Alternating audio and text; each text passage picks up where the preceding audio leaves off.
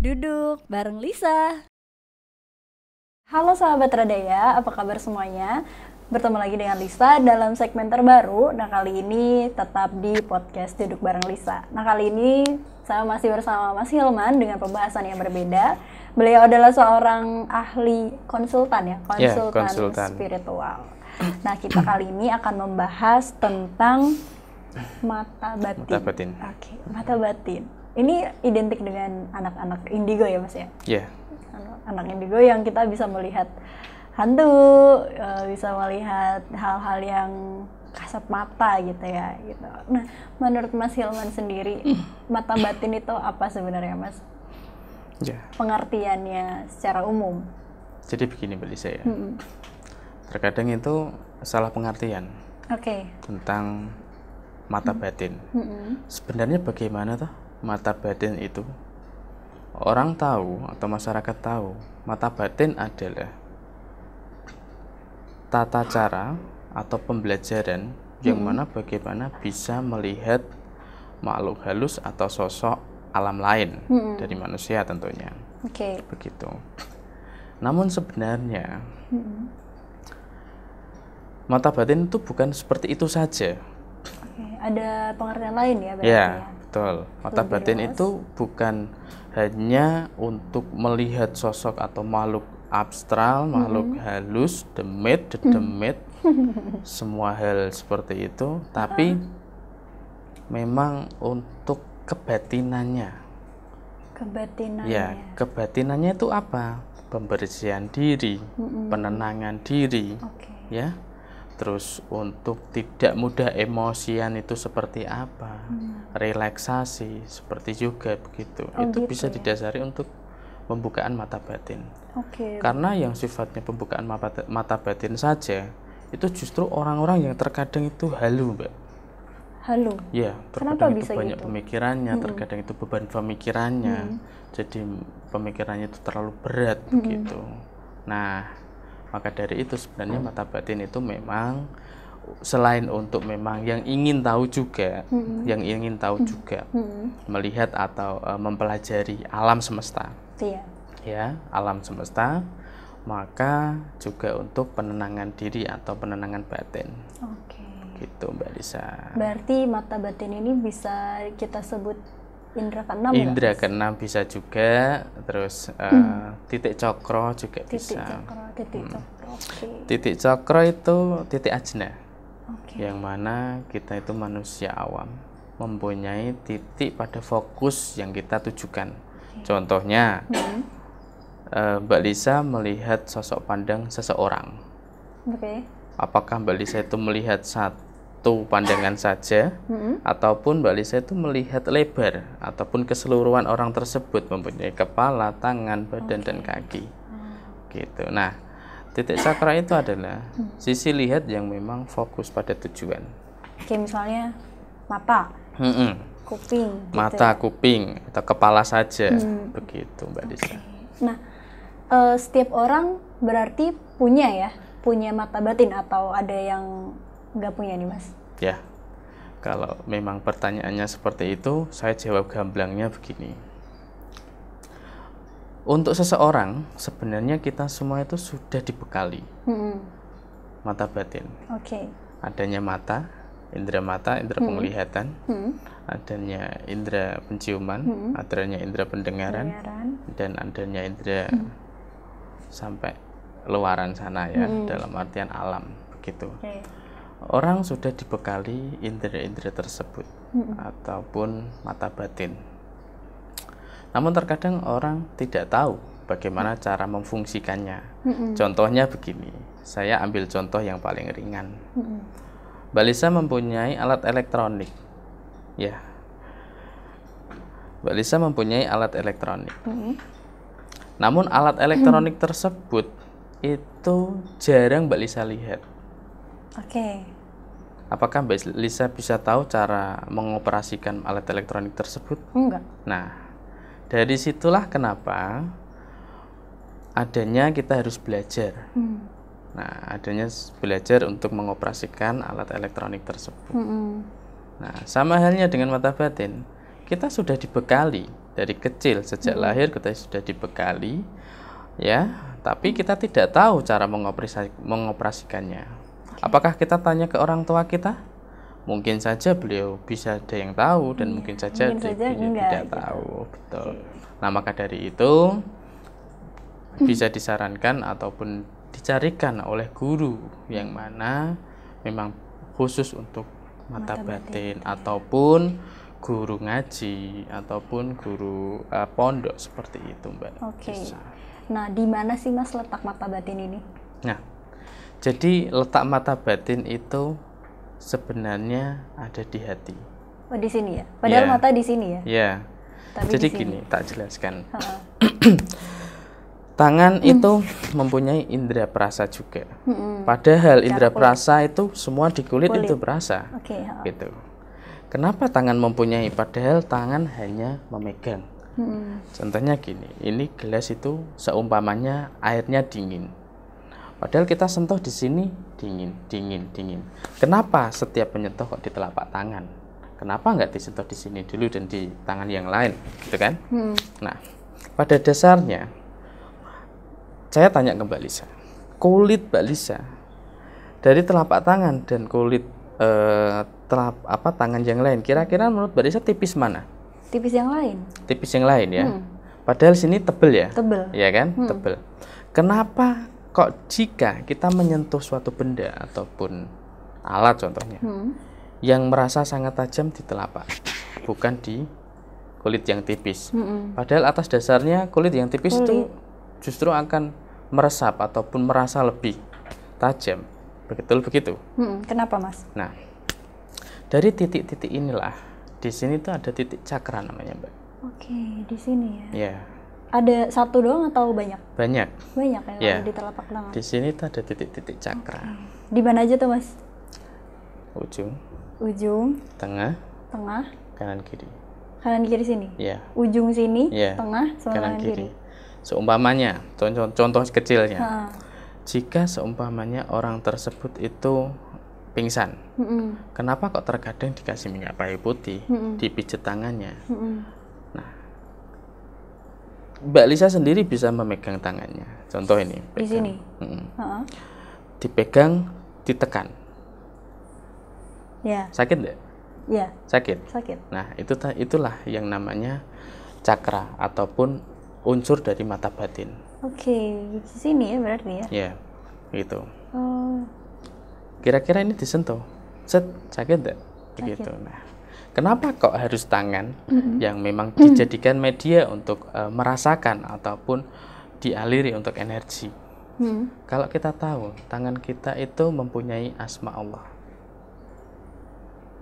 Iya. Gini ya. ya, tahu ya. Ya, Nah, jadi ini alif, alif Allah. begitu, Mbak. Kenapa kok seperti itu? Makanya kita diciptakan di dunia itu untuk dasar apa? Tahu agar semua alam itu yang mempunyai adalah kuasa Allah Subhanahu wa taala. Begitu, bukan orang eh, apa mengadili oleh alam tersebut, makanya adanya perawatan alam, makanya adanya energi alam. Seperti itu, Mbak Lisa. Berarti mata batin ini kan di dalam hati ya. Betul. Tapi dia tuh ada beberapa cakra yang mendukung gitu, Mas. Betul. Berarti. Mendukung daripada mata batin tersebut. Oke, berarti untuk misalnya ketika eh, apa namanya? Eh, menggunakan mata batin, semua cakra bakal ber Komunikasi, berkomunikasi iya, semuanya ataupun ya? bersinergi Hmm, seperti gitu. itu. Oke. Iya. Fungsi mata batin ini sebenarnya untuk apa, Mas? Untuk Ya. apa aja? Jadi yang memang sudah Hmm. apa melakukan mata batin itu fungsi utama Hmm. adalah untuk menenangkan diri yang awalnya itu orangnya pengeras ya, Hmm. mudah emosian, itu gampang lemah. Dalam artian bukan lemah lembut ya, mohon Oh. Maaf, ya, bisa. mengontrol diri begitu. Mm-mm. Terus seumpamanya kalau orang tersebut itu jika berpikir itu sangat berat sekali, tidak bisa apa mencari atau memfokuskan dalam tujuan pemikirannya atau me- atau mendapatkan solusi dari pemikiran tersebut. Itu jika mengikuti mata batin ataupun melakukan mata batin bisa lebih tenang, rileks dan dapat solusi-solusi seperti itu. dan jika seumpamanya dia bisa uh, menggeluti ataupun apa merangkup atau uh, semrawung kalau bahasa Jawa ya mbak ya dengan alam khususnya dia bisa merasakan energi-energi alam ataupun energi gaib Oh gitu. seperti itu. Tam- namun memang jarang sekali yang gitu melakukan untuk energi alam seperti Oke, itu nah kan saya pernah banyak banget dengar kalau Hmm. misalnya ada yang mata batin terbuka, ada yang memang kalau normal kan kebanyakan tertutup ya Mas ya. Mm, Eh, ada yang memang kalau misalnya bedanya mata batin terbuka dengan tertutup itu apa berarti Mas? bedanya begini Hmm. kalau seumpamanya mata batin tertutup Hmm. seperti orang normal dalam artian jalan ya jalan saja dia tidak apa eh, memikirkan atau tidak mudah terpancing dengan orang lain dalam artian setiap oh kamu yuk main ke sana yuk. Ke sini Eh, tidak mudah bergaul dalam artian terpleset dengan pergaulan-pergaulan yang salah. Itu yang normal terkadang yang seperti normal itu. ya. Hmm. Nah, namun jika sudah e, melakukan mata batin ya atau dia yang memang sudah terbuka mata batinnya, maka setiap langkahnya itu ada yang mengarahkan. Siapa yang ngarahkan? Yaitu tadi dari hatinya. Dari hatinya. Ya, dari hatinya itu ada yang mengarahkan. Oke. Jadi dia kayak semacam eh, ayo ke sana loh gitu ya. Mm-mm. Ada ada yang ini ya. Ada Hmm, instruksi ada dari instruksi. dalam ya Nah, gitu ya. instruksi dari dalam. Ayo kita ke sana yuk, mengarahkan ke sana. Berarti malah kalau kayak gitu bukannya kita malah dikontrol dengan mata batin ya Mas ya? Mas. Atau beda? Ya, gini, Mbak. Jadi spesifikasinya gini. Mm-mm. Nah, Saya beri contoh. Mm-mm. Seumpamanya Mbak Lisa berjalan ke kota lain Mm-mm. tanpa adanya tujuan Mm-mm. ya dan Mbak Lisa tidak tahu jalan tersebut kira-kira tetap berjalan atau tidak Enggak. tidak kan tentunya nah jika seumpamanya Mbak Lisa mempunyai tujuan Mm-mm. dan Mbak Lisa tahu tujuan tersebut akan ke mana pasti Mbak Lisa akan ikuti arah tersebut Oke. nah Berarti mata batin ini yang tahu. mengarahkan Oke, tahu sebenarnya tujuannya tuh mau ke sana ya Iya, udah kamu jalan ke sana betul. gitu ya. Jadi bisa terjadi sebelum kamu melangkah itu ada mimpi-mimpi Oke. ataupun arahan-arahan yang bakal terjadi ke diri kamu. Dikasih tahu terlebih dahulu Tuh, gitu ya. begitu Mbak Lisa. Iya, banyak sih yang mungkin eh, pengalaman-pengalamannya yang kayak orang yang indigo gitu misalnya Nah, gitu kan dia betul. tahu eh, misalnya besok bakal kejadian Ya, apa gitu ya. Mak- Oke. Nah, sebenarnya kalau kayak gitu berarti alamiah ya, Mas ya? Alam ya? Alamiah ya. Kita nggak tahu itu dari siapa ya. Pasti dari Allah sih Iya. ya. Tapi kita kan nggak tahu kok tiba-tiba gitu ya. Iya. Alamiah sekali. Alamiah sekali. Contohnya gini. Hmm. Ilmu alam itu kita bisa pelajari mudah, Mbak. Hmm. Apakah Mbak Lisa tahu seumpamanya kita itu lapar pada waktunya? Tentu saja tidak tahu.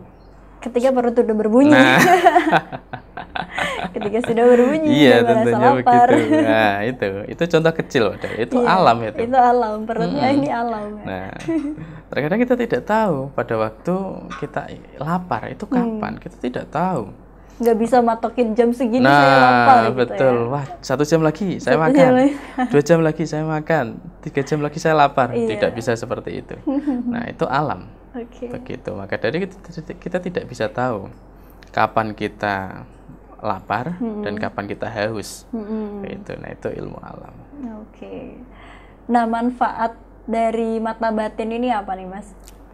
manfaatnya sangat luar biasa sekali sebenarnya kalau memang bisa tahu dan bisa menjalaninya dengan sebaik mungkin Ini selain untuk, untuk, untuk mata batin yang terbuka ya. ya untuk mata batin yang terbuka kemanfaatannya Mm-mm. jika memang sudah terbuka, khususnya terbuka alam ya, dalam artian dia sudah melakukan meditasi, sudah melakukan tata caranya yang sudah diajarkan pada gurunya, Mm. maka yang akan dirasakan adalah ketenangan diri. Ketenangan diri. Hmm, Maka yang dirasakan adalah ketenangan diri, dia tidak terlalu ego tinggi, Mm-mm. ya. Pasti seumpamanya ingin melakukan pemikiran yang memang dirasa berat, akan mudah ada jalan solusinya. Oke. seperti itu dan setiap langkah pasti ada tujuan yang memang baik untuk si pelaku tersebut atau yang sudah melakukan pembukaan mata batin Oke. manfaatnya luar biasa sekali itu mbak begitu Oke, tapi mungkin kadang gini loh mas, eh, ketika kita terbuka mata batin ya, otomatis kita tahu dong apa yang kejadian baik buruk di mungkin besok atau yang lain gitu. Hmm. Dan itu kan ketika ada kejadian buruk, jadi beban tersendiri nggak sih kalau kayak gitu? ya jadi gini saya pernah ada cerita Mm-mm. ini klien saya langsung yang memang eh, sudah melakukan jadi dia itu awalnya keras Mm-mm. dia itu awalnya pengen instan Mm-mm. dan dia itu awalnya pengen lekas untuk bisa bagaimana kita bisa jika kita tidak melakukan Mm-mm. tidak mungkin tentunya beliau mengikuti alurnya mengikuti tata caranya Mm-mm. setelah itu sabar dengan sabar sabar dengan sabar menantang dirinya sendiri menantang dirinya sendiri. Dan adanya perlawanan tersebut itu tadilah yang menimbulkan goyah di dirinya. Setelah goyah tiba-tiba dia itu tidur. Mm-mm. dan tidak sadarkan diri. Setelah dia tidur tidak sadarkan diri tiba-tiba dia itu di belakang rumah. Tidur nggak sadar diri maksudnya pingsan atau tidur jadi biasa? tidur seperti biasa di kamarnya setelah itu tiba-tiba dia itu pindah tempat. Oh, bangun-bangun itu, udah bangun itu berarti? belum bangun Oh, tiba-tiba bangun-bangun itu di belakang rumahnya. Oke. begitu. Dan di situ dia ditemui oleh sosok-sosok makhluk yang memang katanya ya katanya beliau sendiri katanya genderuwo Oh. gitu. Karena ka- karena dia itu mempunyai perlawanan yang itu tadi. Hmm. dia pengen lekas cepat pengen wes pokoknya cepat-cepat lah. Tiba-tiba seperti itu dan ditemui genderuwo nah pada waktu itulah dia terus sadar diri. Hmm. sadar diri oh jadi begitu tata caranya. Oh jadi begini begitu. Jadi dia tidak bilang ke rekan-rekan yang lain untuk tergesa-gesa. Oke, maksudnya gini, genderunya genderuwonya itu tadi ngapain? hanya melihat saja. Melihat saja, dia melihat doang gitu. iya. Terus tiba-tiba dia tersadar diri. iya hanya Karena melihat itu artinya mata batinnya terbuka. betul Oh gitu. gitu nah Itu maksudnya gini, tadi kan dia di belakang rumah. Apa itu dia bangun tidur tiba-tiba dia melihat atau dia dalam mimpinya? jadi gini mbak terkadang orang kan kalau tidur apa istilahnya itu jika tidur Ngelindur, tiba- ke mana-mana ngelindur ya, gitu ya. ya Ha. ngelindur ya Ha-ha. terus dia itu jalan sendiri Ha-ha, entah jalan ke mana sendiri, arahnya ha. Tiba-tiba bangun di belakang. begitu nah tiba-tiba dia itu ngelindur. Ngelindur. Mungkin karena hatinya itu tadi sangat amarahnya luar biasa. Padahal justru jika mata batin kan tidak boleh seperti itu. Hmm. jadi tenang hatinya santai tenang dilakukan dengan alih apa eh, waktu yang memang nyaman dilakukan dengan senyaman-nyaman mungkin untuk melakukan meditasi ataupun langkah mata batin tersebut. Mm-mm. Dia sangat keras, dia sangat temperamental mungkin. Terus dia ngelintur. Tiba-tiba tidak tahu-tahu dia di belakang. Hmm, Dan itu cerita asli, asli ya. cerita betul-betul dari orang tersebut begitu. Dan saya pun ketawa pada ceritanya seperti itu. Makanya batin saya begini, makanya kalau orang ingin belajar itu yang memang harus ada tuntunannya, ya, sabar gitu. tentunya. Berarti ketika udah dibuka mata batin itu yang membuat kita tuh kontrol kayak oh jangan kayak jangan jangan terlalu emosi gitu ya. Betul, begitu. Oke. Nah, gimana apa sih yang dialami seseorang ketika mata batinnya terbuka, Mas? Selain melihat yang astral tadi ya gitu. Yang dialami Hmm. banyak hal, banyak sekali. Semua orang mempunyai perbedaan masing-masing untuk Hmm. Dirasakan atau yang dialami dari Karena berbeda-beda ya. betul Hmm. begitu. Jadi memang beda yang dialaminya. Hmm. Ada yang memang orang tersebut yang juga apa melakukan meditasi mata batin itu serasa terkadang itu dia mengayang di alam lain, Hmm. juga terasa ada getaran-getaran di tubuh, Hmm. juga kadang ada terasa pikiran itu tiba-tiba pusing Hmm. tanpa ada yang dirasa sebelumnya seperti itu dan juga pada waktu mimpi ini yang kebanyakan terkadang juga pada waktu dia tidur Hmm. mimpi melihat sosok-sosok yang kasat mata Hmm. terus memang khususnya kebanyakan dia itu melihat asap asap asap ini Asap. apa nah ini yang terkadang itu orang tidak tahu. Sebenarnya contoh ini jenengan. Alisa jalan malam-malam di tengah jalan yang memang sangat sepi sekali. Terkadang pernah tidak Mbak Lisa melihat ataupun menemui tiba-tiba ad- ada asap di tengah jalan atau ada asap di pinggir jalan itu pasti ada. Begitu. Itu pasti saya. ada itu jelas mungkin terkadang kita tidak ngeh ya Nggak ngeh. Nggak ngeh, itu apa gitu. itu mas sebenarnya Nah, sebenarnya itu bukan dari bakaran atau bukan dari orang membakar sampah atau apa. Tidak mungkin di pinggir jalan terus membakar sampah tentunya. Begitu. Nah, itu adalah sosok yang mana memang ingin menampakkan diri atau sosok yang mana penjaga di lingkup jalan tersebut Oke, tapi masih dalam bentuk asap dalam ya? bentuk asap begitu Mbak Lisa. jangan deh jangan lihat mas saya takut Sebenarnya tidak takut. Ada yang memang eh, yang yang merasa takut itu berarti mental mental orang tersebut tidak tahu dan tidak mampu untuk melihat. Iya, iya, Begitu. Sebenarnya tidak apa-apa. Sebenarnya tidak apa-apa. Eh, jadi apa? Gaib ya. Saya bilang saya sebut itu gaib. Gaib itu adalah kawan kita, saudara kita. Toh bakal kita mungkin dalam waktu yang kita tidak tahu kapan dan pastinya kapan pun kita tidak tahu bakal mati dan hidup kita. Mm-mm, iya memang Gitu Mbak Lisa, sama halnya. gitu. tapi kadang kan gini mas apa namanya eh orang yang melihat kadang kan ada orang yang melihat eh, yang gaib gitu kadang diganggu atau gampang kesurupan kayak gitu itu bisa jadi dampak dari kebuka mata batinnya nggak sih Oh, tidak. Jadi eh, seumpamanya orang yang mudah kesurupan justru itu malahan dia tidak bisa membuka mata batin dalam artian belum pernah. belum pernah Ya, belum pernah. Belum pernah apa eh, melakukan pembelajaran atau Mm-mm. tata cara mata batin. kalau misalnya orang biasa gitu loh mas Nah, kalau orang biasa yang memang belum pernah ya, belum pernah itu bisa terjadi adanya kerasukan.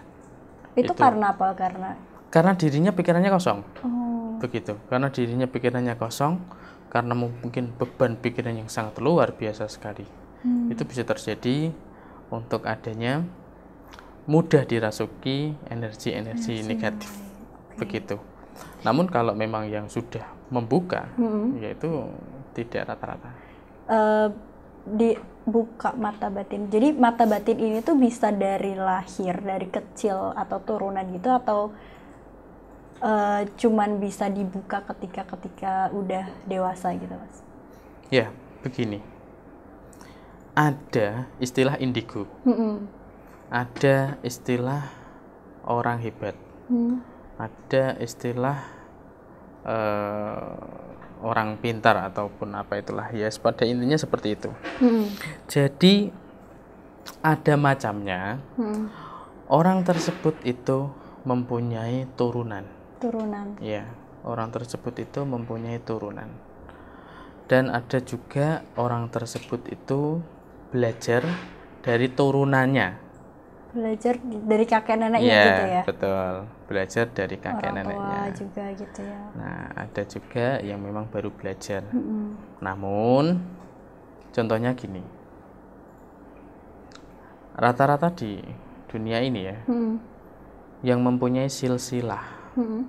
keadat jawaan, silsilah kenabian, itu hanya beberapa.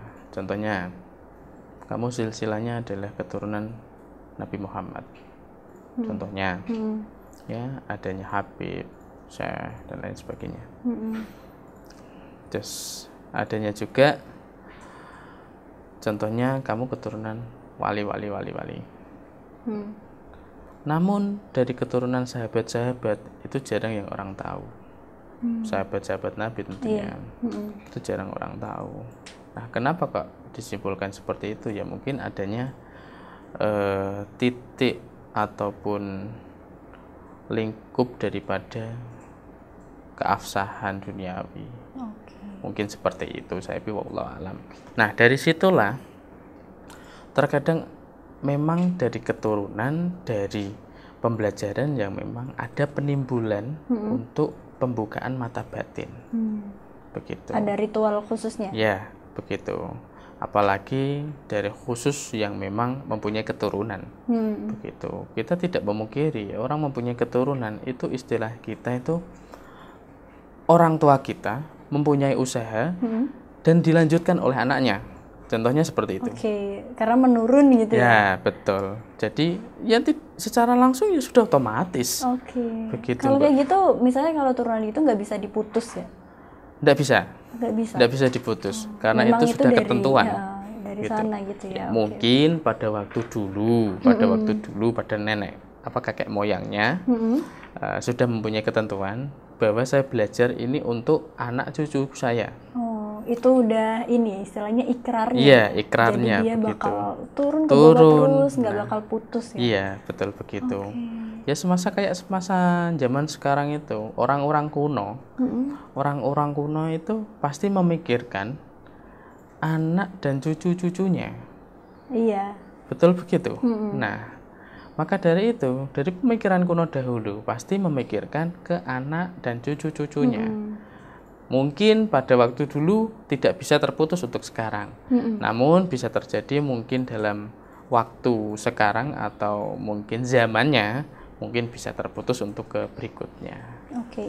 nah bahaya dari mata batin terbuka ini tuh apa sih, mas? Jadi mata batin terbuka itu kalau istilah untuk bahayanya, bahaya itu tanda kutip mbak, mm -hmm. sewu. Iya, iya. Dalam artian jika menggunakan salah alurnya. Iya, salah alurnya. Salah jalannya. Dia diganggu atau Betul, terganggu atau gimana gitu, gitu. ya. Hmm. Jadi salah jalannya, salah penggunaannya. Hmm itu juga salah begitu karena apa sebenarnya manusia itu yang menjadikan salah di dalam dirinya sendiri hmm.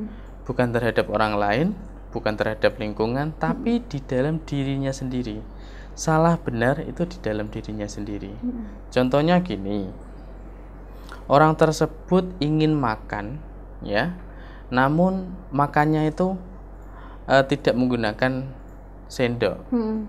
tapi menggunakan centong. Kira-kira salah ndak untuk memakan? Enggak. atau untuk untuk itu?